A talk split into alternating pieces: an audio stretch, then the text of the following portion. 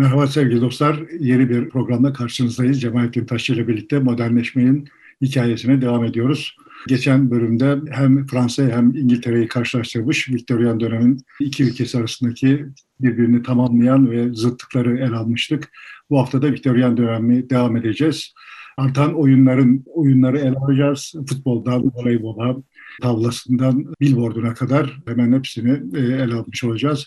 Onun dışında da bir de hoşgörü meselesini ele alacağız. Özellikle eşcinsellere ve Yahudilere yönelik büyük husumeti ve tepkiyi değerlendirmiş olacağız. Modernleşme hayatıyla hoşgörü arasındaki bağlantıyı da ele almış olacağız.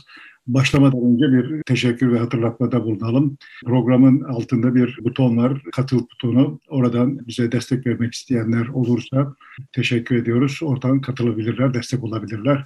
Sizin talebiniz üzerine böyle bir uygulama başlatmış idik. Evet, devam edelim. Modernleşmenin hikayesi.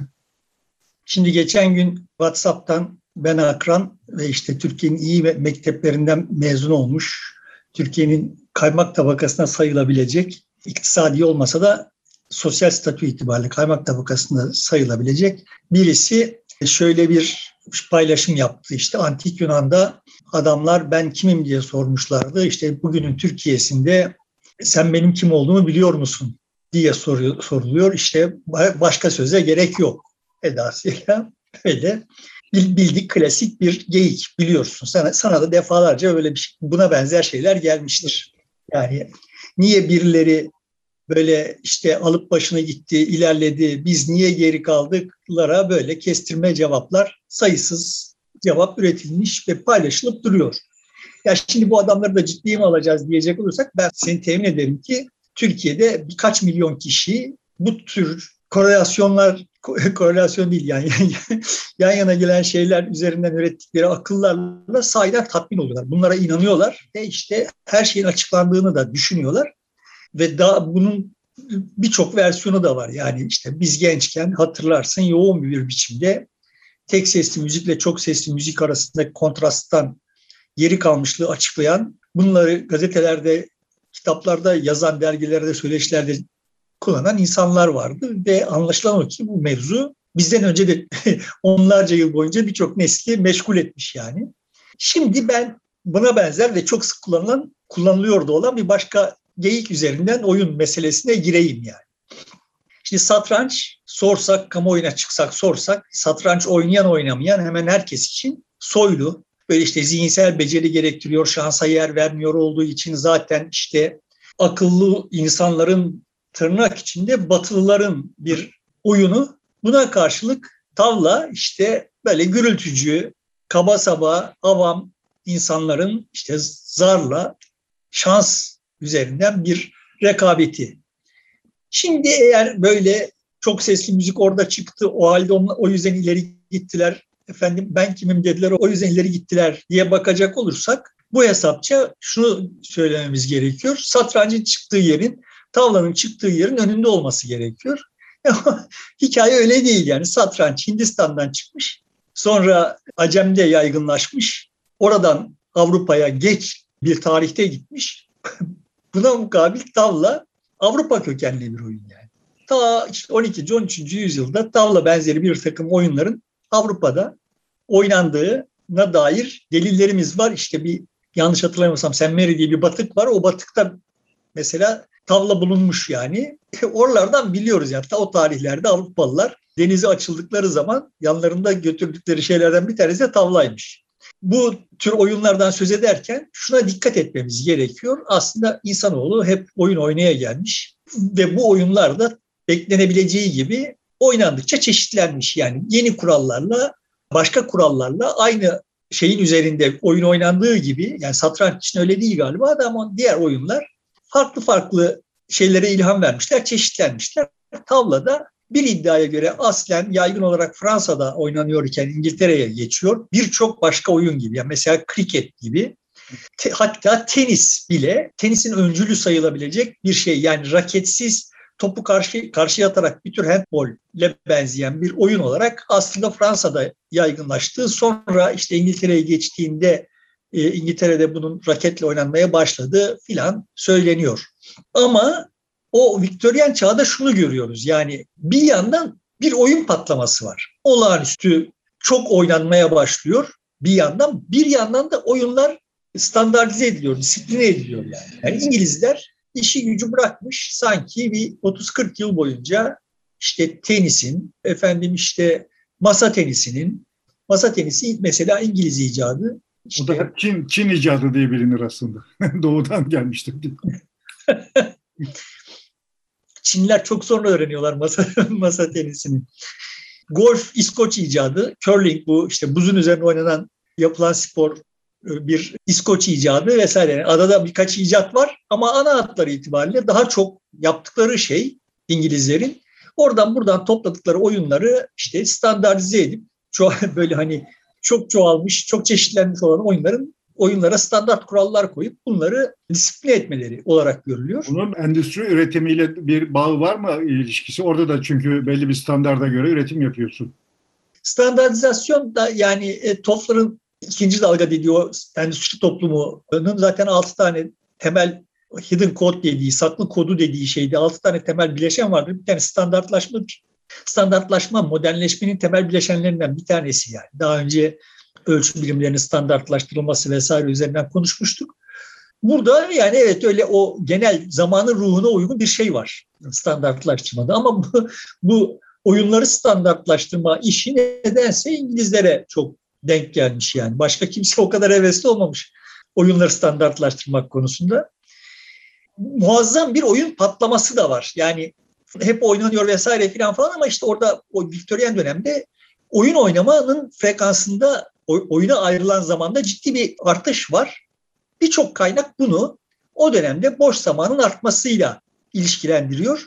Benim bildiğim kadarıyla yani diğer parametreler üzerinden yaptığım okumalara yaslanacak olursam boş zaman artmıyor yani o, o dönemde. Soyluların zaten zamanları boştu. Çünkü soylu dediğinin soylu olmasının birinci şartı çalışmaması idi. Dolayısıyla zaten hep zamanları boş. Bütün zamanları hep boş idi. Onların zamanları artmıyor. Soylularda da böyle ciddi bir artış da yok. Soylu sayısında da çok ciddi bir artış da yok yani. Burjuva'nın zamanı niye artmış olsun? Yani bir fabrikada işte böyle bütün gün işçilerle boğuşuyor olan bir müteşebbisin zamanı niye artsın onu anlamıyor, anlıyor değilim. İşçinin zamanı zaten köyden gelirken yani fabrika şehirdeki işçinin zamanı köyden gelirken köyde yaşadığı zaman kadar çok boş zamanı yok iş hayatta. Çünkü zaten ölümüne çalıştırılıyor yani günde 12 saat 16 saat çalıştırılıyor. O dönem Victoria dönemindeki sanayinin çalışma şartları öyle çok da hani insanlara işçiye boş zaman sağlayacak bir şey değil. Köylünün açısından da durumun çok değişmiş olmasını gerektirecek bir şey yok. Dolayısıyla işçileşen köylülerin boş zamanları eskisine kıyasla azaldığı için boş zamandan ziyade belki de stres atmak için de yapılıyor olabilir. Yani yoğun çalışıyor, orada dinlenmek ya da başka işle meşgul olmak açısından ona bir yeni alan açmak, dinlenme gibi bir şey de olabilir belki. Benim gördüğüm tablo olay şöyle bir şey. Yani şehre gelmiş, işçileşememiş, iş bulamamış olanların çok boş zamanı var. Bunlar Hı. kart oyunlarını, iskambil oyunlarını oynuyorlar yani. Birbirlerini ütmek için de oynuyorlar. Ama onun dışında ki olay bana öyle geliyor ki bu mazbut aile konseptinin bir ürünü. Yani evde bir arada bir arada bulunulacak ebeveynler ve çocuklar adam işten gelmiş, fabrikadan gelmiş, atölyeden gelmiş filan öyle hani çok oyun oynayacak e, hali olmasa da öyle bir boş zamanı olmasa da eşin ve çocukların boş zamanları var yani. Onlar ev işlerini yapmışsa kadın, çocuklar da okula gidip gelmişse işte ondan sonra bir boş zaman var ve mazbut ailenin gereği olarak çocuklarla ilgilenme, eskisinden farklı bir biçimde çocuklarla ilgilenme hali zuhur etmiş. Bunun yarattığı bir talep var. Yani mesela böyle bir haç üzerinde zarla pulları yürüterek oynanan Kızma Birader diye bir oyun vardır. Bilirsin. Mesela o dönemde icat edilmiş yani. Akabinde de Hindistan'dan buna benzer çok oyun gelmiş. Hindistan'da oynanıyordu olan böyle e, aile oyunu olarak işte zarla ve pullarla oynanıyor olan muhtelif zeminler üzerinde oynanıyor olan oyunlar da bir patlama var. Bu 20. yüzyılda da devam edecek.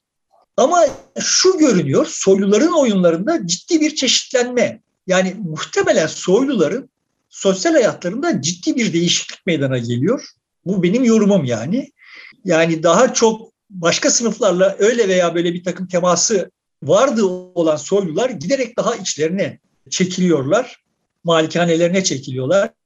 Muhtemelen burjuvaları biçimsiz buldukları için, onları onları çekemedikleri için, onlara katlanamadıkları için ve işte mesela bu salon oyunları yani işte kulaktan kulağa efendim işte sessiz sinema sessiz sinema ve bunların versiyonları yani işte bir, bir takım bir şeyi saklıyor öteki soru sorarak bu saklanan şeyi bulmaya çalışıyor filan gibi salon oyunları çok yaygınlaşıyor o dönemde ve masa tenisi de bu süreçte salonda oynanıyor olduğu için çok yaygınlaşıyor İngiltere'de. Bunun istisnai şeyleri dediğim gibi İngilizlerin icat ettiği oyunlar da var. Ciddi ölçüde değiştirip adapte ettikleri oyunlar var. İşte tenis gibi. Yani hokey, çim, çim hokeyi gibi oyunlar da işte bu süreçte İngilizler tarafından adapte ediliyor. Ama İngiliz icadı olarak hepimizi çok ilgilendiriyor olan bir, bir oyun var futbol. Futbolu diğer oyunlardan ayıran temel özelliklerden bir tanesi daha başlangıçta oynamak kadar seyretmenin de cazip bir şey olması.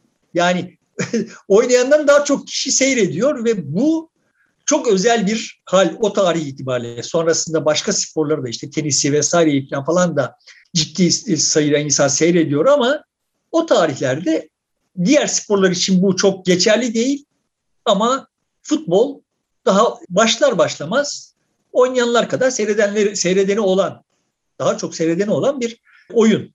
Aristokratlar başlatıyor bunu da. Kendi aralarında oynuyorlar. The English Game diye bir film dizi var. Orada futbolun o dönemleri çok lirik bir biçimde anlatılıyor yani. Ben kendim e, hesabıma başka kaynaklarla da test ettiğim zaman çok gerçeğe sadık bir dizi olduğu sonucuna varmıştım.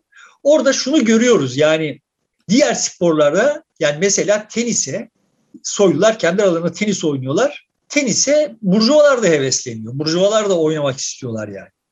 Yani o soylular durmadan yeni oyunlar icat edip kendileriyle kendilerinin altına bir bariyer koymaya çalışıyorlar. Kendilerini farklılaştırmaya çalışıyorlar. Burjuvalar da durmadan o alanları işgal etmeye çalışıyor. Futbolda olay böyle olmuyor. Yani. Futbolda futbolda aristokratların karşısında işçiler rakip olarak çıkıyor. Yani bir araya gelip futbol oynayıp rakip oluyorlar ve daha başlangıçtan itibaren de kendilerine turnuvalarda yer veriliyor, yer buluyorlar ama hiç şampiyon olamıyorlar. Çünkü evet orada bir tane futbol federasyonu var ve o futbol federasyonu durmadan kurallarla oynayarak bu aşağıdan gelenlerin oynamalarına izin verdiklerinin şampiyon olmalarına izin vermiyorlar. Bir noktaya geliyor ve futbolun o ilk futbol da böyle bizim şimdi seyrettiğimiz türden bir stratejisi olan bir oyun değil. Yani daha brute force, kaba kuvvet topu süreceksin ve işte daha Amerikan futbolunu andıran bir şey. Yani öyle pas verelim işte orta yapalım filan falan gibi şeyler yok. Yani karşına, karşına geleni geçeceksin. Tekme tokat, te ite kaka geçeceksin ve işte kaleye kadar gideceksin yani. Kimin ayağına geçmişse top yani topu çeldikleri zaman kim ayağına geçirirse yine böyle ölümüne karşı kaleye giden bir oyun. Başlangıçtaki felsefesi bu yani. Ama işte bu oyuna bir takım e, çeşitlilik katarak pas yapmayla vesaireyle filan falan onu zenginleştiriyor, onun kavrayışını değiştiriyor işçiler. Bir işçi çok cazip bir sporcu ve işte onu onun transfer olmasını bahane ederek onun takımını diskalifiye etmeye çalışırken federasyon orada bir soylu çıkıyor ve diyor ki ya bu oyun bu oyunu oynayanların oyunudur. Bizim değil yani. Bizim malımız değil. Bu oyunu oynayanların oyunudur. Oyunun sahipliğine üstlenmememiz gerekiyorsa buna saygı göstermemiz Şimdi bunu önemsiyorum. Sonra o Futbol Federasyonu'nun kurucu başkanı olarak geçiyor şeyde literatürde. Yani çok önemli bir futbol adamı İngilizler için. İngiliz farkını ortaya çıkaran şeylerden bir tanesi bu işte yani. Oyunun kuralları var ve o kurallarla oynamaya çalışıyorsun. Sonra yeniliyorsun yenildiğin zaman oyunun kuralını değiştirme şansın varsa da değiştirmiyorsun yani. Kestirmeden gidip şampiyonluğu kestirmeden gidip kazanma şansın varsa o kestirmeye e, itibar etmiyorsun. O dönemde böyle bir Victoria ahlakı, Victorian ahlakın böyle bir uzantısı var. Birinci tarafı bu. İkincisi orada ciddi bir idrak var. Yani bu oyun oynayanların oyunudur dediğin zaman o oyunun gelişiminin önünü açıyorsun. Halbuki bu oyun bizim oyunumuzdur. Çünkü karşısına geçenlerin temel tezi o. Oyun bizim. Kurallarını biz koyduk. Böyle dışarıdan gelip bu oyuna ortak olunmasını niye göz yumalım dendiğinde bu oyun oynayanların oyunudur dendi, diyebiliyor isen oyuna katılanların oyunu zenginleştirmesinin önünü açıyorsun demektir. Şimdi bu bütün bu İngiliz hikayesi, Britanya hikayesinin aslında çok sembolik bir şeyi orada. Aşağıdan gelenin oyunu zenginleştirme potansiyelini idrak edilmiş gibi bir şey var yani. Ve bu sadece orada idrak edilmiş. Burada aristokratlar mı buna öncülük ediyor, burjuva mı? Burjuva hiç yok futbolda. Hiç yok. Çok uzun sürede hiç olmayacak yani. Hı. Yani aristokratların oyunu işçiler oynamaya başlıyorlar.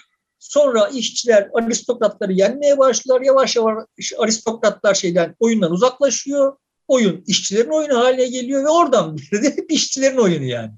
Şimdi mesela İngiliz şehirlerinde, Britanya şehirlerinde birden çok takım olduğu durumda bu takımların bir tanesinin rengi mavi, renginde yani renklerinde mavi vardır, bir tanesinin kırmızı vardır. E, Manchester United kırmızı renkli, Manchester City mavi renklidir yani. Liverpool kırmızı renkli, Everton mavi renklidir. Bu şu ayrımın uzantısı yani. Everton'ı kuranlar soylular. Liverpool'u kuranlar işçiler, dok işçileri. City'yi kuranlar, Manchester City'yi kuranlar soylular. Manchester United kuranlar İşçi. işçiler. Dolayısıyla hani kestirmeden bir takımın renginde İngiltere böyle köklü geleneği olan ülkelerde takımın renginde mavi varsa bileceksin ki o takım soyluların takımı Kırmızı varsa bileceksin ki o işçilerin takımı. Chelsea mesela işte Londra'nın en prestijli mahallesinin, bölgesinin takımı filan. Dolayısıyla hikaye futbol kurulduktan kısa bir süre sonra işçilerin eline geçmiş. Aristokratlar işte oyunun kurucusu olarak ne kadar bir şeyler yapabildilerse yapmışlar ama sonuçta kurulur kurulmaz, oyun başlar başlamaz çok geniş kitleleri harekete geçirmiş ve bu geniş kitleleri harekete geçirme sinin ne kadar kıymetli bir şey olduğunu o ilk federasyonu kuran aristokrat yani oyunun ilk sahiplerinden en prestijli adamı başlangıçta en prestijli adam olan o aristokrat bunu idrak etmiş ve elinde bu imkan olduğu halde oyuna sahiplenmemiş. Ve yani işçilerin olması için de çaba harcıyor galiba. Orada dönemde mücadele ediyor diğerlerine karşı. Diğerlerine karşı mücadele edip bu oyun oyunu oynayanların oyunudur demiş. Şimdi ben ısrarlı bir biçimde bu her şey tabana yayıldığı zaman zenginleşir. Ne kadar çok kişi katılırsa kişi o kadar zenginleşir deyip duruyorum. Şimdi eğer futbolu orada kardeşim bunun kurallarını biz icat ettik, bu bizim malımız de, demiş olsalar futbol futbol olmayacak. Yani futbolu yapan o kurallar veya şunlar bunlar değil. Kaç kişinin katıldığı, nasıl katıldığı, bu katılımı sağladığın zaman o olayın kendisinin başka bir hikayesi olur ve o hikaye herkesin lehinedir yani. Oyuna katılan katılmayan herkesin lehinedir. Sonuçta işte futbol çok kısa bir süre içinde bütün dünyaya yayılacak. Yayılırken olay hep şöyle olacak. Neden bu kadar büyülü bir şey olduğunu o dönem ruh durumu itibariyle anlamış da değilim yani. Neden başka şey değil de futbol böyle olmuş. Ama hemen her yerde yani Türkiye'sinden Brezilya'sına hemen her yerde Önce İngilizler oynamış. Yani oradaki işte diplomatik heyet kendi arasında filan oynamış. Görmüş Brezilyalılar biz de oynayacağız demişler ve böyle yayılmış dünyaya yani. Önce İngilizler oynamışlar bir coğrafyada sonra başkaları biz de oynayacağız demiş. Bizde de mesela böyle olmuş. Yani işte İngilizler kendi aralarında oynamışlar. Fransızlar onlar Fransızlar onlara karışmış işgal yıllarında. Ya bir veya daha öncesinde yani. Yani çok da eski değil bizde hani sonuçta e, futbolun yaygınlaşması işgal yılları. Ama işte şu şansı vermiş yani anlaşılan o. Neden öyle seyirlik bir şey olarak görüldüğünü bilmiyorum ben. Başka sporlardan daha seyirlik bir şey olarak görüldüğünü. Ama mesela Türkiye'de şu şansı vermiş. İşgalciler var. Bu işgalciler bir şey söyleyemiyorsun, başın derde giriyor falan filan o işgalcilerin takımına karşı kendin bir takım kurup çıktığında tribünde tezahürat yaparak ve senin tuttuğun takım onu, o takımı yenmesiyle filan böyle bir tatmin yaratma fırsatı oluyor. Tekrar söylüyorum bunun niye özel olarak futbolda olduğunu bilmiyorum ama futbolda bu oluyor yani. De çok kişiyle oynandığı için belki olabilir. Çok farklı kişi seyrediliyor. Aynı anda tek bir yere odaklanılmıyor. Belki onun bir şeysi olabilir.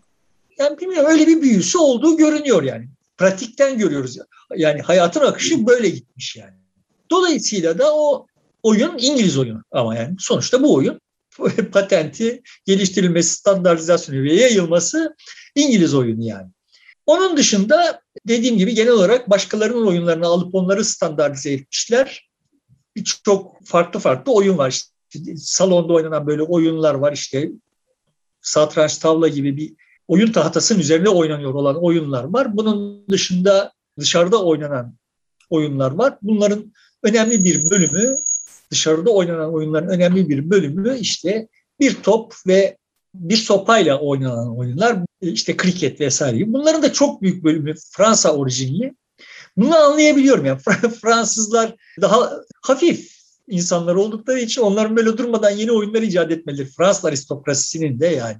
Fransız aristokrasi çok erken tırnak içinde işsiz kalmış. Yani kral onları bütün aristokratlar bildiğimiz anlamıyla işsiz de ama yani Britanya'nın aristokratlarının iyi kötü bir sosyal rolleri vesaire falan. Fransız aristokratları tamamen kral tarafından herhangi bir ciddi iş yapmayacak hale getirilmiş çok erken tarihlerde. Dolayısıyla Güneş Kral tarihinden itibaren dolayısıyla onların böyle durmadan yeni oyun icat etmelerinde anlaşılmaz bir şey bulmuyorum. Çok birçok oyun Fransız orijinli.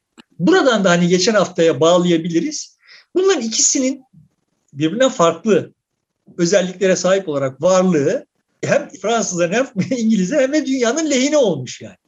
Bu farklılıkları ortadan kaldırmak konusunda herkesi birbirine benzetmek konusunda sergilenen çaba beni bu yüzden de çok kasıyor. Yani ne kadar fayda Türkiye'nin Doğu Karadeniz ile Muğla'sı arasında kültürel olarak, damak zevki olarak akla gelen her konuda yığınla fark var. Şimdi bunları birbirine benzetmeye çalışıyorsun. Niye uğraşıyorsun? Yani bu, bu farkların tadını çıkaralım. Buradan bir şey çıkartmaya çalışalım gibi yani. Sonuçta bu sopa ve topla oynanan oyunları içeriye taşıdığın zaman işte bilardo ortaya çıkıyor. Bu arada işte tabii kart oyunlarının arasından böyle soylu asil bir bridge ortaya çıkıyor. Bunların kulüplerini oluşturuyorlar ve böyle böyle soylular, İngiliz soyluları kendilerini avamdan ve aşağıdan gelen burjuvalardan ayırmak için çaba harcıyorlar ama dediğim gibi burjuvalar çok arsız. Hep oldukları gibi yani. Bugün de oldukları gibi. Sonuçta aristokrasiyi taklit ederek onların yaptıklarını yaparak kendilerini de işte tatmin etmeye çalışıyorlar. Burada galiba uzun süre farkın korunduğu bir tane şey var. O da at yarışları.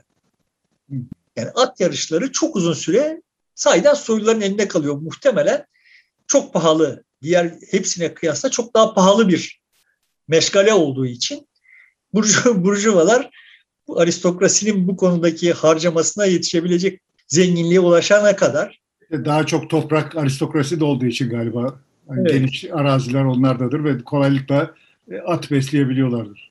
Tamam işte yani senin de o, o ölçüde zenginliğe ulaşman gerekiyor. O ölçüde zenginliğe burjuvazinin ulaşması vakit alıyor büyük ihtimalle. Dolayısıyla da at yarışları şeyde kalıyor. Bir tane daha farklılık yani Avrupa ölçeğindeki farklılık açısından bir tane daha sembolik bir şey var. Tombala İtalyan oyunu. Yani bizim de bu çok sevdiğimiz yılbaşlarında oynadığımız tombala ağırlıklı olarak Christmas'larda oynanan İtalyan oyunu. Fark ne? Yani niye bu İtalyan? Çünkü diğer oyunlar iki kişi, üç kişi, dört kişi falan falan oynanabiliyorlar. Diğer salon oyunları. Tombala sınırsız sayıda insanın oynayabileceği bir oyun. Niye peki bu İtalyan oyunu? Çünkü İtalyan aileleri çok büyük. Christmas'ta bir araya gelmek gibi gelenekleri var. Bütün aile bir araya gelmek gibi gelenekleri var. Ve o aileyi yekpare tutacak böyle ritüellere ihtiyaç var. Tombala bunlardan bir tanesi. Genel olarak da işte tahmin edilebileceği gibi işte büyük gürültüyle, tantanayla oynanıyor ama işte çocukların kazanması genel olarak sağlanıyor. Yani sen çinko yapmışsan çinko yaptığını söylemiyorsun. Bir çocuk senden önce çinko yapsın diye bekliyorsun falan yani. Sen tombala yapıyor, yapmışsan söylemiyorsun filan. Sonra bu yaygınlaşıyor. 19. yüzyıl aynı zamanda bir açıdan bakarsak da bir yanıyla Amerikan yüzyılı ve işte Amerika'da da orta sınıf şeye kıyasla e, yani orada ciddi bir aristokrasi olmadığı için orta sınıf daha kolay gelişebiliyor ve onlar da işte böyle mazbut aile, Viktoryan gelenekleri içselleştirmiş durumdalar. Dolayısıyla orada da aile, aileyi bir arada tutacak bir şeyler ehemmiyet taşıyor ama mesele şu yani her şey ticarileştiriliyor orada. Dolayısıyla diyelim ki Hindistan'da bir oyun İngiltere'ye gelmiş, oynanıyor, seviliyor filan falan. Bu Amerika'ya gittiği zaman anında ticarileşiyor yani ya da ticari bir versiyonu. Bu nasıl ticarileştirilir diye bakılıp ona göre bir versiyonu geliştiriliyor. Asıl patlama, büyük patlama Amerika'da gerçekleşiyor. Bu e, hikayeyi önemsiyorum. Yani birçok unsuru nedeniyle önemsiyorum. Biz gençken daha büyük aileler, aileler nispi olarak daha büyüktüler. Daha sık bir araya geliniyordu. Çünkü işte televizyon yoktu, bir şey yoktu falan. Ve ailenin işte bütün çocukları sıklıkla haftada bir değilse 15 günde bir bir araya geliniyordu. Çok kalabalık olunuyor idi ve işte çok da çocuk oluyor idi. Bizde de mesela işte bilmiyorum hani siz ne, ne oynardınız? Biz mesela yüzük saklama gibi bir oyun, fincancık derlerdi. Yüzük saklama diye bir oyun oynardık. Yani işte bütün aile iki gruba ayrılır. Bir grup işte tepside bir yüzüğü fincanların altında saklar bir tanesinin altına. Öteki taraf yüzüğü bulmaya çalışır. İlk fincanda veya son fincanda bulursa tepsi onun eline geçer. Aksi halde işte bu kaçıncı fincanda bulduysa o kadar puanı burası kazanır. Yeniden saklar filan gibi. Şimdi onları hatırladığım zaman yani evet o sekanslar aileyi birleştirici. Yani taşlarla çok çeşitli, çok çeşitli oyunlar oynardık. Ama onları sadece çocuklar oynarlardı. Burada büyükler de katılırdı. Bunların aileyi bir arada tutmakta çok önemli şeyler olduklarını içinde yaşarken, çocukken hissedemiyor isem de sonradan bunların nasıl hatırlandıkları vesaireler üzerinden kafa yorduğum zaman evet yani çok önemli fonksiyonları varmış. Bu fonksiyonu yerine getirsin diye icat edildiklerini düşünmüyorum. Yani boşluktan sonuçta akşam yemeğini yiyorsun ve işte geyik dönüyor ortada sıkılınıyor yani. Televizyon yok dediğim gibi işte hani radyoyu açsan radyoda ne çalacak ve işte o gürültüde o duyulacak mı falan Dolayısıyla ya, ya, yapacak bir şey yok. Özellikle kış gecesi ise bir takım oyunlar oynanacak yani. O yani, sebeple icat. Başka oda da yok. Herkes tek odada aynı yerde bulunuyor. Yani. Isınma derdinde, Hayır, zaten, aydınlatma derdinde. Hayır yani başka bir odaya geçecek olsan hani diyelim orayı ısıtsalar geçecek olsan o da hoş değil yani. Bir araya gelme amacına uygun değil. Dolayısıyla bu oyunların böyle bir fonksiyon üstlendiklerini ve işte o Viktoryan ahlakı da bir şekilde böyle nesilden nesile aktarmakta da işe yaradıklarını düşünüyorum. Dolayısıyla şimdi buradan yola çıkarak bak yani tavla oynamayı aşağılamayın. Aşağıladığınız zaman modernleşmenin mucidi olan İngilizleri aşağılamış oluyorsunuz. Şeyi de çok e, e, yüceltmeyin satrancı da o zaman Allah'ın kro Hitler'ini yüceltmiş oluyorsunuz falan demiş olayım. Ama bu işte hani canım bizden adam olur mu? Bak adamlar işte satranç oynuyorlar. Bak adamlar ben kimim demişler. Bak adamlar çok sesli müzik dinliyorlar filanların önüne geçilebileceğine ihtimal vermiyor. Bu yani çok ucuz e, açıklama olarak durmadan üretilip duracak da. Ama buradan şeye geçelim. O toplumların çok hoşgörülü oldukları ve bu hoşgörü sayesinde modernleşmenin mümkün olduğu, bizim ise çok hoşgörüsüz olduğumuz filan geyiklerine geçelim. Bunu oyunla bağlayayım. Şimdi o soyluların futbol oynayan herkesin malıdırın arkasında bir hoşgörü yok. Yani orada o adam o e, işçilere yine yukarıdan bakıyor, tepeden bakıyor. Onu hoş görmüyor yani. Kaba buluyor vesaire. Sadece oyunun nasıl davranılırsa zenginleşeceğini idrak etmiş. Bu kadar basit bir şey var. Yani aslında çok yaygın, çok derin bir hoşgörüsüzlük var o dönemin Avrupa'sında. Bu hoşgörüsüzlük de böyle hani teferruatlı bir analizi gerektiriyor. Bu kalan bölümde de onu analiz edelim. Batı Avrupa'nın modernleşmiş olan toplumların hoşgörüsüzlüğünden bildik tezahürü Yahudilere karşı olan antisemitik duygular, antisemitik politikalar bu yeni bir şey değil yani. Modernleşmeden çok öncesinden başlamış bir hikaye çok uzun süre boyunca Avrupa'nın birçok şehrine Yahudilerin girmesi yasak. bir takım gettolara sokulmuşlar. İşte gündüz saatlerinde şehre belki bazı şehirlere hiç o izin de yok da bazı şehirlerde o gettodan çıkıp işte gündüz vakti şehirde işini halledip akşam belli bir saatte hava kararmadan gettosuna dönmek zorunda. Aksi halde işte idam sebebi bu filan falan gibi durumlar var. Ve bunlara işte mesela Paris, Londra gibi şehirlerde dahil yani. 1750'de Avrupa'daki yani 18. yüzyılın ortasında Avrupa'daki Yahudi nüfusunun büyük bölümü Litvanya, Polonya, Macaristan hattında yaşıyor. Daha batıda çok seyrelmiş durumda yani Yahudi nüfus.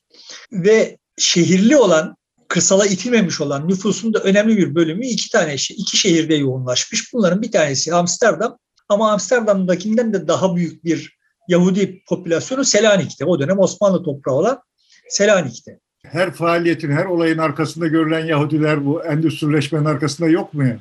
Yok. Sonradan finanslaşmanın arkasında olacaklar. O Yahudilerin Batı Avrupa'dan kovulmasının tarihçesi kabaca şöyle yani 1290 işte 13 13. yüzyılın sonlarında daha Osmanlı kurulmamışken yani İngilizler kendi Yahudilerini sepetliyorlar. Fransa 1300'lerde, İspanya işte bildiğimiz o 1492'de son Emevi kanıtlarını süpürdükleri zaman Portekiz hemen 3-4 sene sonrasında bu işi yapıyor. İtalyan Yarımadası'nın çoğundan da 16. yüzyıl boyunca Almanca konuşulan yerlerde de 16. yüzyıl boyunca Yahudiler peyderpey sürülüyorlar. Sürüldükleri zaman dediğim gibi işte ağırlıklı olarak Litvanya, Polonya, Macaristan hattında daha kırsalda zaten o bölgede de büyük şehirler yok yani. Daha kırsalda yaşamak zorunda kalıyorlar ve biz böyle böyle 18. yüzyılın başına geldiğimizde yani 1700 yılına geldiğimizde görünen tablo yapılan tahminlere göre bütün Avrupa'da toplam olarak 700 bin civarında Yahudi yaşıyor. Bu Avrupa'nın toplam nüfusunun yüzde birinden düşük. 1825'e geldiğimizde yani şimdi bizim sözünü ettiğimiz dönemlere 19. yüzyılın ilk çeyreğine geldiğimizde Yahudi popülasyonu 2,5 milyona çıkmış. Asıl önemli olan şey şu Avrupa'nın toplam nüfusunun yüzde bir buçuğunu geçmiş durumda. Yani yüzde birden düşük de oransal olarak yüzde bir buçuğu geçmiş durumda. 1850'de yüzyılın ortasına geldiğimizde toplam Yahudi popülasyonu 4 milyonu geçiyor. Toplam olarak oransal olarak da %2'yi geçiyor. 19. yüzyılın sonunda 9 milyon civarında Yahudi olacak ve bu toplam Avrupa nüfusunun %2,2'si ne tekabül edecek. Görünüyor ki 17. yüzyılın sonlarından başlayarak Yahudi nüfusunda dramatik bir artış var ve Avrupa nüfusunun artışına daha hızlı bir şekilde artıyor Avrupa'daki Yahudi nüfus. Neden böyle oluyor? Yani hala işte Paris, Strasbourg, Viyana, Moskova, St. Petersburg gibi yerlere yerleşmeleri yasak ama kademeli olarak aslında Yahudilere yapılan ayrımcılık kademeli olarak 16. yüzyılla başlayarak geriliyor. Yahudiler şehirlere yerleşebilir oluyorlar. Zaten şehirleşmenin vites büyüttüğü bir dönem o dönem ve Yahudilerin şehirleşmesi de çoğalması da o tarihlerde o tarihlerden itibaren vites büyüterek artıyor. Şimdi hani Yahudilere yapılanları meşru mazur göstermek falan falan gibi bir derdim yok yani. Ama hep söyleye geldiğim şeyi tekrarlayayım. Demografi her şeydir. Sonuçta tablo öyle oluyor ki işte 1900'lere gelindiğinde Londra'da 200 binden çok Yahudi yaşamaya başlıyor ve bu 200 binden çok Londralı Yahudi senin sözünü ettiğin o sanayileşmeye ciddi bir katkıları olmasa da oradan itibaren finanslaşmaya vesaireye falan falan oradan ciddi pay almaya başlıyorlar. Tabii ki bu katkılarının olmadığı manasına gelmiyor yani. Ama o katkıyı görmek o kadar kolay değil. Payı görmek kolay. Toplumda daha alt sınıflarda genel olarak daha alt sınıflarda yaygın bir Yahudi nefreti yeniden belirginleşiyor, yeşeriyor. Ve bu zannedildiğinin aksine Almanya'da en yüksek seviyesine ulaşmış değil. Yani Fransa'da ve İngiltere'de Almanya'dakinden daha yoğun bir Yahudi nefreti var. Ama işte eğrisi doğrusuna denk gelecek İngilizler ve Fransızlar İkinci Dünya Savaşı'nda Hitler'i durdurabilmek için onun Yahudilere yaptıklarını bir günah, bir ayıp olarak tarif etmek zorunda kalacaklar. Böylece kendi toplumlarını, kendi toplumlarındaki Yahudi düşmanlığını da Hitler düşmanlığı üzerinden yumuşatmış olacaklar. Bu şunu gösteriyor, parantez içinde söylemiş olayım. Yani hiçbir durumda siyaset çıkışsız değildir yani. Eğer sen kendi Yahudilerinin kendi toplumunun kendi Yahudilerine karşı böyle bir takım husumetlerini hissediyor isen bundan da memnun değil ise o kader değil yani. O toplumun o toplum pekala değişebilir. Bir Hitler bulursun ve toplumu değiştirebilirsin. Niyetin varsa. Siyaset toplumu değiştirme iddiasıyla yapılır. Ve hani benim söyleye geldiklerimden hep böyle çok halk dal kavukluğu yaptığım falan sonuçları çıkarılıyor. Sonuçta halk dalgalılık yapabileceğim şey o. Zaten yaptığımız şeyi halkara göre yapmamız, yapmak zarureti var yani. Hakem halk yani. Her halükarda. Ama o hakemin kararları, hakemin hükümlerini yaslandığı kurallar vesaireler, onun kendi zihninde, kendi duygu dünyasındakiler değiştirilebilir şeyler. Sen de siyaset yapıyorsan onu değiştirme iddiasıyla yapıyorsun yani. Gördük ki biz sonuçta bu hani nereden bağlamaya çalıştığım mevzuyu gördük ki biz çok şiddetli ve kendince anlaşılır sebepleri olan Yahudi düşmanlığı, İngiltere ve Fransa'daki Yahudi düşmanlığı pekala tam tersine dönüp Yahudiler için en çok gözyaşı döken toplumlar haline getirilmesine mani olmadı o toplumların. Ve sonuçta işte oradan bir Siyonist projeyi en çok arkalayanlar İngilizler oldular. Yani Siyonizmi en çok arkalayanlar. Burada demin o futbolla ilgili olarak söylediğime bağlayarak anlaşılan o ki İngiliz yerli aristokrasisi Yahudilerin Londra'daki varlığının aslında kendilerinin ve İngiliz İmparatorluğu'nun menfaatine olduğunu fark etmişler. Son tahlilde toplumda yaygın olan Yahudi nefretinin üst sınıflarda var olmadığı, en azından o kadar yoğun olmadığı görülüyor. Var böyle kafayı kırmış üst sınıflarda birkaç kişi var yani ama çok yaygın değil ve ciddi bir şeye yol açmıyor yani. Bu hangi tarihte kavramaya başlıyor e, aristokrasi Yahudilerin ihtiyacı olduğunu? Ya işte bu Yahudilere yönelik kanuni düzenlemeler yani ayrımcı kanuni düzenlemeler 16. yüzyıldan başlayarak gerilemeye başlıyor. Önce Fransa'da sonra İngiltere'de. Muhtemelen hemen bunu idrak etmiş değillerdi ama yani 18. yüzyıl başına geldiklerinde filan evet oradaki bir muhtemelen o yüzden zaten çok hızlı bir biçimde Londra'da ve Paris'te, Paris'te o kadar olmasa da Londra'da çok yoğun bir Yahudi nüfus artışı gerçekleşmesinin sebebi de o. Yani üst sınıflar Yahudilerin sisteme yaptıkları katkıyı idrak edip onu teşvik ediyorlar muhtemelen. Yani bunun teferruatını bilmiyorum. Bu konuda çok şey de okumadım yani ama tablonun yaydığı hissiyat bu yani. Orada bir teşvik var. Teşvik değilse de yani hani böyle şey bir teşvik olmasa da Yahudilerle iyi geçiniliyor olması o Yahudilerin başka Yahudilerin oraya gelmesini sağlamaya yol açıyor. Son tahlilde kırsaldaki Yahudi nüfusu neredeyse sıfırlanıyor, eriyor yani. Naziler Yahudileri kırmaya başladıklarında kırsalda neredeyse hiç Yahudi yok. Viyana'da, Budapeşte'de vesairede şehirleşmiş durumdalar artık Yahudiler ve bilim dünyasında işte kültüre alanında çok ciddi bir yer edinmişler o 200 yıllık işte kırsalda. yaşıyor olmalarının ona onlara sağladığı katkı o zaman hem işte üniversitede, bilimde ilerlemeleri, kültürde hem de finansta ilerlemeleri. Şehirli olmaları mı? Evet. Şimdi teknik olarak bakacak olursak aslında Yahudi nüfus daha önce de şehirli. Performansı da şehirde gösterebilecek bir nüfus zaten. Kültürel becerileri itibariyle de öyleler. Ama işte kırsala sürülmüşler. Orada bir performansları da yok. Şehre döndüklerinde artık hani bunu böyle genetik kodla nesilden nesile aktarılan bir şey olarak kabul edebilir miyiz bilmiyorum ama şehre döndüklerinde ciddi bir performans sergiliyorlar. Şunu biliyorum yani Yahudiler kırsalda olduklarında bile ısrarlı bir biçimde okuma öğrenmeye, okuma yazma öğrenmeye, matematik öğrenmeye koşullanmış durumdalar. Ta şeyden tapınağın yıkılma, yıkılmasından başlayarak olay böyle yani. Dolayısıyla zaten Yahudi ailelerinde bir çocuğun mutlaka okuması için özel olarak tedbir alınıyor, teşvik ediliyordu galiba. Evet. Dolayısıyla yani onun getirdiği bir kırsalda yaşansa bile hani şehri adaptasyon konusunu kolaylaştıracak bir tarafı var besbelli. Şehre geldiklerinde çok hızlı bir biçimde sistemin içinde çok önemli fonksiyonları üstlenecek hale geliyorlar.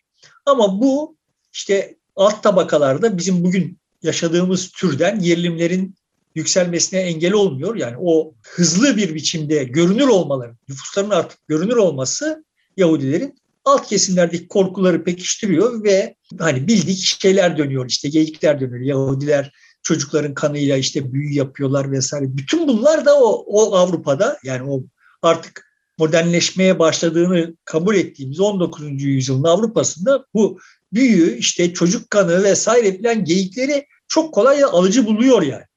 Hani şimdi bugün Türkiye'ye bakıp bu işte çomarlarla bu iş yapılır mı filan falan diyenler ihmal ettiği şey yani evet orada birileri satranç oynuyor, burada birileri tenis oynuyor filan falan şurada birileri resim yapıyor, tablo yapıyor falan. Ama yığınlar işte öyle büyüye inanıyorlar. Çocukların Yahudiler kaçıracak veya Çingeniler kaçıracaklar. Şimdi Çingenilerin teferruatına girmeyeceğim. Aynı ayrımcılık Çingenilere karşı da var. Onlar da Doğu Avrupa'ya getirmiş durumdalar. Ama yani hep aynı geyik dönüyor bu. Çocuk kanı yani çocukları çalacaklar. O çocuk kanıyla bir şeyler yapacaklar filan geyik. Bunun var, varyantları üretilip duruyor yani. Ve bunlara inanılıyor. Yaygın olarak inanılıyor. Bunlar ciddi ciddi kitaplarda yazılıyor yani. Bir de hani böyle şimdi sosyal medyayla bak böyle post-truth yayılıyor falan diye panikleyenler yani o dönemde de matbaa aracılığıyla bu tür kitaplar yayılıyor yani. Bunlar yazılıyor, çiziliyor. Üst seviyede yönetici pozisyonda kimse bunlara inanmıyor ise bile sonuçta bunu yazıp çizenler inansalar da inanmasalar da bunun kamuoyuna karşılığı olduğu için belki yazıyorlar, çiziyorlar. Çok yoğun bir antisemitizm başlıyor. Geçen programda sözünü ettim. İşte yüzyılın sonunda Fransa'da Dreyfus işlemediği bir suç nedeniyle içeri atıldığında kamuoyu baskın olarak yani tamam ol, olabilir. O işlemiş olabilir ama o Yahudi edası gösteriyor yani. Bizim bugün Zibililerin Kavala için gösterdiklerine benzer bir tavrı gösteriyorlar. tamam o suçlu olmayabilir ama o, o zengin yani. Dolayısıyla o çeksin cezayı türü bir tavır gösteriyor Fransızlar. Ama işte fark nerede? Orada işte İngiltere'de bu futbol oynayanların oyunudur dedikleri gibi burada da Emil Zola çıkıyor suçluyorum deyip riski alıp bir şey yapıyor. İşte Türkiye'de herkes bir şeylerden şikayet ediyor ama kimse yani bu okumuş yazmış, kendisine yatırım yapılmış bir itibar sahibi olmuş olan hiç kimse hiçbir riski almıyor yani. Hiç almadı yani şimdi almıyor değil yani. Hiç almadı. Yani 1960'ta darbe olduğunda da almadı. İşte sonrasında başka biçimsizlikler işte Beyaz Toroslar gezerken de almadı. İşte Dersim hadisesi olduğunda da kimse risk almadı. Sonra ama bunların hepsi birazdan bizim bu memleket işte satranç oynamaz, tavla oynar falan filan geyikleriyle takipten kaçıyorlar yani. Sonra sen böyle ama olur mu filan dedi. Ya tamam da işte ama o toplumu da görüyorsun suçsuz ya suçsuz değil kardeşim. Kusursuz değil toplum ama yani sonuçta şimdi neyle mukayese neyi neyle mukayese ediyorsunuz? Yani şimdi gelelim Engizisyon. Yani biliyorsunuz değil mi? Engizisyon diye bir şey var. Yani bizim istiklal mahkemeleri gibi bir şey. Yani böyle birisi bir şeyi ihbar ediyor. Vay sen dilsizsin yine sövdün deyip böyle hani güya bir sorgulama yapıp adamı asıyorlar. Kadını asıyor, yakıyorlar filan yani. Şimdi ne zamana kadar var? Yani şimdi biz 17. yüzyıl, 18. yüzyılı gezdik geldik. 19. yüzyıldayız. 19. yüzyılın başında Engizisyon 1806'da Venedik'te kaldırılıyor. 1806 yani. yani şunun şurasında işte 19. yüzyılın başı yani. Tamam 200 yıl önce. Portekiz'de 1820'de kaldırılıyor. İspanya'da 1826'da hala Engizisyon yargısı bir idam cezası veriyor ve uyguluyor. 1834'e kadar da yasal olarak orada demokrasi kılıcı gibi duruyor yani.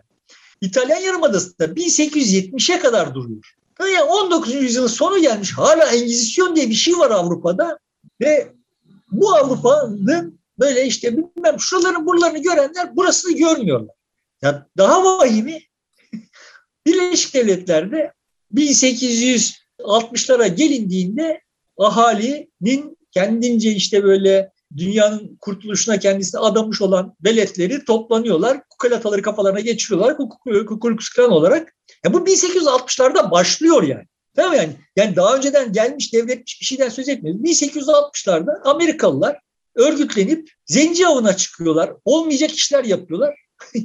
Sonra vay bu böyle olur mu falan falan diyeceksek demememiz gerekiyor. Çünkü asıl ikinci dalgası gelecek 1900'ler yani şimdi daha girmediğimiz 20. yüzyılın ilk çeyreğinde ikinci dalgası gelecek ve gerçekten insanlık adına hani Nazi suçlarından daha belki de büyük suçlar işlenecek yani. Veya bun, bunlar oluyor bak kardeşim orada evet bilim var burada sanat var şurada bir şey var filan falan ama bak bunlar da o toplumlarda oluyor ya. Yani. Ya şimdi demek ki bizim tırnak içinde mekteplilerimiz okumuşlarımızı Amerika'ya salsan o tarihte vay orada bak beyaz kukalataları geçirip zencilere şunları yapılar bu toplumdan bir şey olmaz deyip kaçacak yer arayacaklar Norveç'e mi İsveç'e mi gitsek filan diye yani.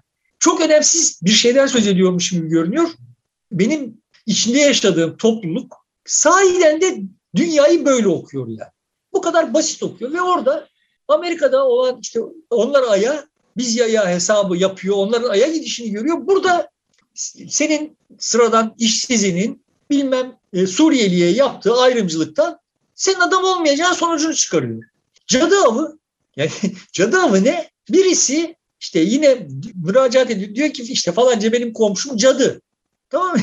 O takibatta uğruyor. Cadı olmadığını ispatlaması gerekiyor. idam edilmemek için falan yani orada da tuhaf tuhaf kurallar var. Yani cadı olsa cadıysa işte cadı olduğunu kabul etmez zaten filan gibi akıl yürütmelerle abuk sabuk işler yapılıyor ve işte ateşin üzerinde yürürse eğer cadı olmadığını hükmedilecek. Yürürse bu sefer ya ateşin üstünde yürünür mü kardeşim?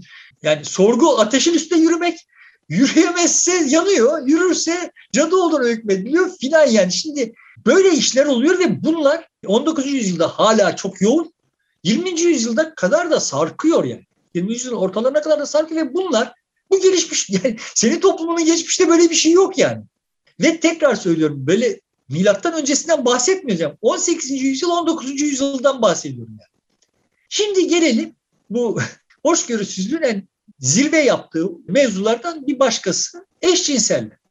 Eşcinsellik insanlık tarihi kadar eski bir vaka. Avrupa'da da çok yaygın.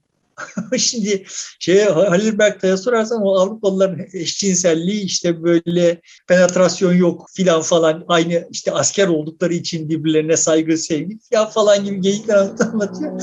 Yani böyle bir hikaye yok yani.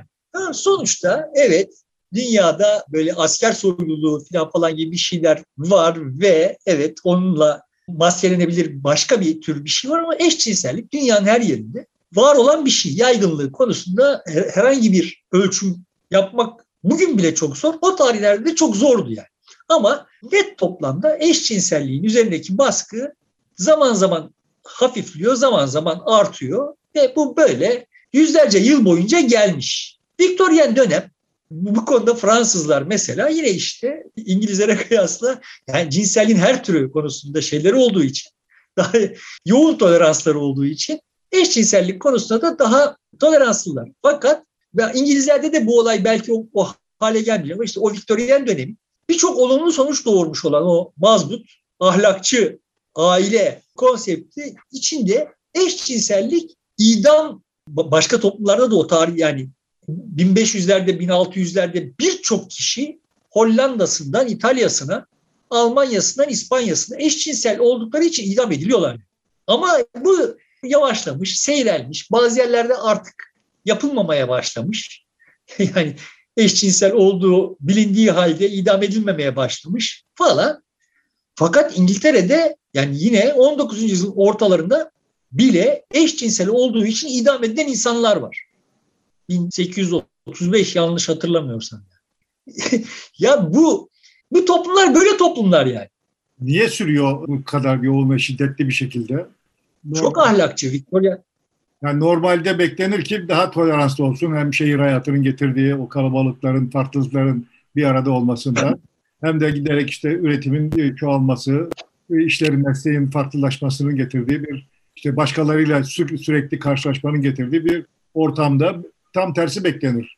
Sonrasında şey oluyor, yani işte 1850'lerden itibaren 1850'lerden önce dediğim gibi başka toplumlarda bu olayın böyle idamlık bir suç olarak tarifi ortadan kaldırılıyor. Yani suç olarak kalıyor da ama idam sebebi olarak görünmüyor. Ve işte olay görmezden gelinme safhasına yavaş yavaş geçiliyor. Birleşik Krallık'ta da işte 1830'lardan sonra yine suç olarak görülüyor ama idam cezalandırılmasına cezalandırılması bitiyor. Ama trajedi devam ediyor yani. Çünkü ya işte bir tedaviyi kabul etmesi gerekiyor veya filan böyle tuhaf bir kanunları var ve 20. yüzyılın ilk çeyreğinde işte ciddi bir milli kahramanları eşcinsel Turing, Alan Turing bu işte elma, zehirli elma yiyip intihar ediyor tedavi reddettiği için filan. Yani o Viktoryan ahlak Britanya'da bu şeyi bu konuda zaten Britanyalılar Birleşik Devletliler yani Anglo-Saksonlar kıta Avrupa'sına kıyasla hala daha ahlakçı ve muhafazakarlar yani. Ahlaki anlamda muhafazakarlar. Çıplaklıkla ilişkileri açısından da filan kadınla ilişkileri ve cinsellikle ilişkileri açısından daha tabuları olan topluluklar. Mukayese ettiğimiz zaman yani Almanlarla, İtalyanlarla falan mukayese ettiğimiz zaman yani. Yoksa ama senin dediğin gibi o artan zenginlik, artan şehirleşme ve artan yoğunlaşan temaslar nedeniyle olay işte şeye kadar gelecek, 1960'lara kadar gelecek. Orada işte bir cinsel devrim diyebileceğimiz bir şey başlayacak ve cin şişeden çıkacak. Oradan sonra artık tutabilirsen tut yani. Ama pornografi vesaire çok daha eski. Cinselliği kontrol etmeye her kalktığında o bir yerlerden kendi başına çıkarıyor yani. Yani bu Batı Avrupa masallarının kahir ekseriyeti aslında pornografik hikayelerdir yani. Yani şeyler için, soylular için yazılmış pornografik hikayelerden türetilmiş, pornografi unsurları çıkarılmış masallardır, hikayelerdir. Batı Avrupa masallarının büyük bölümü. Çünkü evet işte yani kilise olayın üzerine bastırdıkça, bastırdıkça aşağıdan başka türlü başka türlü bu çıkıyor. Şimdi bu konuda bir tane misalle olayı kapatayım. Bu eşcinsellik mevzu her gündeme geldiğinde işte birileri diyor ki kardeşim bu batılılarda yoktu bizde yaygındı her önüne gelen eşcinseldi. Kimileri de diyor ki ne diyorsunuz ya bizim atalarımızda öyle şey olur mu? Bu batılılardan bize geldi filan. Yani ikisinin arası yok. Halbuki bu eşcinsellik dediğin şey her yerde var kardeşim. Osmanlı'da ben bu şey, yani eşcinselliğin gerekleri var mı, şartları var mı? Var. Yani erkek ve kadını birbirinden ayıran duvarlar var sosyal hayatta. Dolayısıyla erkeğin hayatı erkekle birlikte geçiyor. Dolayısıyla da o erkek eşcinselliğinin zaten zemini var. Olmamasına imkan yok. Mekteplerinden işte tarikatlarına vesaireye falan falan o zaten hazır zemini var. Ama benim tahmin edemeyeceğim kadar yaygın bir kadın eşcinselliği varmış yani. Bu Balıkhane Nazırı Ali Rıza Bey'in Yeni Sabah ve işte bir gazete, gazetede daha yazdıklarını derlemişler. 1900 onlarla 20'ler arasında galiba yazdıkları. Orada işte eski İstanbul hayatını falan filan anlatıyor. Onlar ağırlıklı olarak 19. yüzyıl hayatı. Türkiye'nin modernleşmesine geldiğimizde de ona çok referans vereceğim.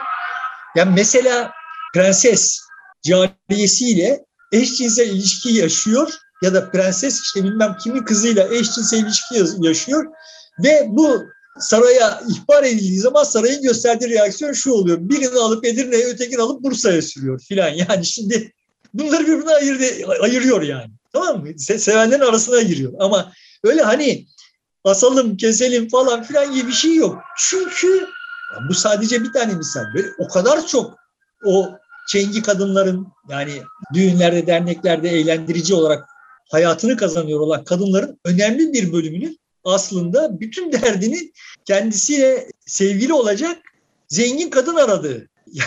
yani o süslenip püslenmelerin, o cilvelerin vesaire filan falan asıl derdini partner olacak zengin kadın aramaktan kaynaklandığını filan anlatıyor yani. Yani bunu de, bunu öğrenince dehşete düştüm. Hani şimdi ötekisi yani o çengilerin bir erkek ayartmak istemeleri, zengin bir erkeği ayartmak istemeleri çok anlaşılır görünüyordu. Yani daha doğrusu öyledir diye varsayıyorum. Sonra düşündüm ki yani o kadının erkeklerin önünde gösteri yapma şansı çok düşük. Ama işte kadınlar bir araya gelip eğlendikleri zaman o kadınları çağıracaklar. Dolayısıyla evet orada ve işte bunların çoğu da tabi olarak olay böyle geliştiği için de varlıklı aileleri yani Vezir Vüzera'nın eşleri yani bunlar. Vezir Vüzera'nın eşi üzerine kuma alınmış. Zaten de kuma alınana kadar da o erkekten soğumuş yani. İşte geliyor hanede bir grup kadın çalıyor, söylüyor, dans ediyor. İşte oradan bir karşılıklı bir şey aşk doğuyor yani filan. Şimdi bu kadın hayatını böyle kazanıyor. Bu kadın da kendisini böyle tatmin ediyor ve ya bu işler böyle oluyor yani. Ama hani asıl derdim bu değil. Bu, bu olayın tabiatı böyle zaten. bunlar hakkında ahkam kesmek falan falan da manalı değildi. Ya kardeşim bak orada böyle çok hoşgörülü bir toplum varmış da bizimki öyle değilmiş gibi akıllar yürütmeyin, yürütülmesin yani. Veya bizimkiler böyle cinselliği çığırından çıkartmış orada halbuki ne güzel böyle zapturapt atmamış falan. Öyle bir dünya da yok yani. Bu her yerde üç aşağı beş yukarı benzerleri olan şeyler ve modernleşmenin dinamikleri de bunlar üzerinden olmuyor yani. Modernleşme sonrasında bunları bunları yaratıyor. Yani hoşgörüyü yaratıyor. Hoşgörülü oldukları için modernleşmiyorlar yani. Tıpkı şey gibi yani bilim yaptıkları için modernleşmiyorlar. Modernleştikleri için bilim yapıyorlar. Peki bunun arkasında bir şey arayacaksanız şehirleştikleri için, sanayileştikleri için işte bu yüzden modernleşiyorlar. Çünkü evet şehirleşirken ve sanayileşirken gördük ki modernlik diye bir şey yoktu yani. Onları yaptılar sonra modernlik diye bir şey çıktı ve bununla sebeplerle sonuçları birbirine karıştırmayın demeye çalışıyorum.